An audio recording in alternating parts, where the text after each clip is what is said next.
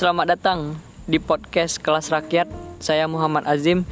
Assalamualaikum warahmatullahi wabarakatuh. Dan salam-salam kebaikan lainnya.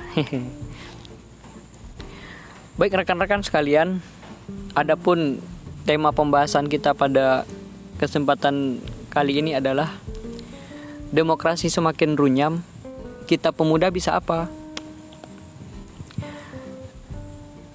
Seorang filsuf di kala lampau pernah menyatakan, cara yang paling tradisional dalam meruntuhkan demokrasi adalah kudeta militer.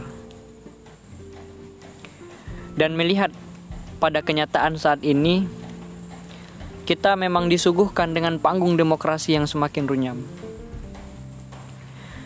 Ruang demokrasi semakin ditutup berdasarkan fakta penandukan dan pembungkaman terhadap elemen rakyat seperti aktivis mahasiswa, buruh, jurnalis, pelajar, akademisi hingga petani. Memang tak jarang sebatas kriminalisasi ya yang berakhir dibui saja gitu.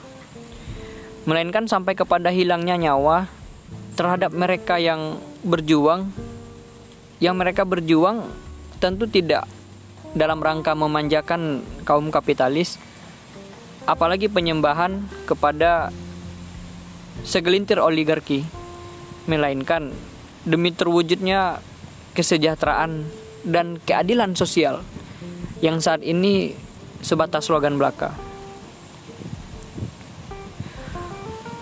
Bung Hatta pernah berucap, mahasiswa adalah mata dan telinga rakyat. Lantas apa yang bisa pemuda lakukan terkhususnya mahasiswa?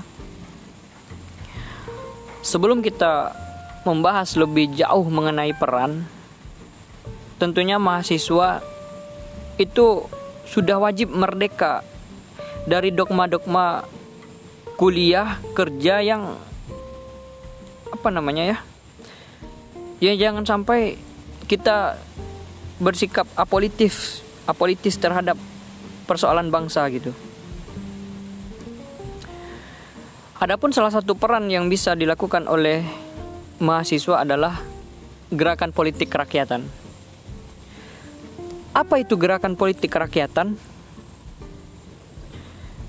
Gerakan politik kerakyatan ialah gerakan yang mengejawantahkan teori-teori pengetahuan yang yang kita dapat di kelas kuliah dengan mengkomparasikan berdasarkan realitas yang hadir di tengah masyarakat.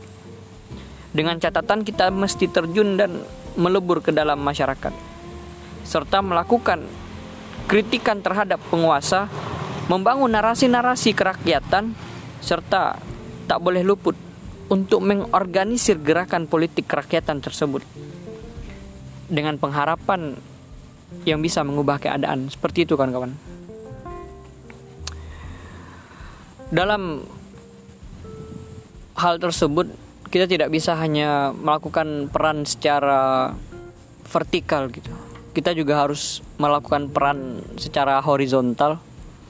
Ya bisa dengan kita sebagai pemuda gitu kan membangun komunitas-komunitas di tengah-tengah kebutuhan masyarakat kita seperti kita membangun komunitas uh, membaca kemudian komunitas mengajar gitu kan karena berdasarkan krisis yang kita hadapi saat ini banyak teman-teman pelajar pelajar-pelajar yang terancam putus sekolah gitu kan.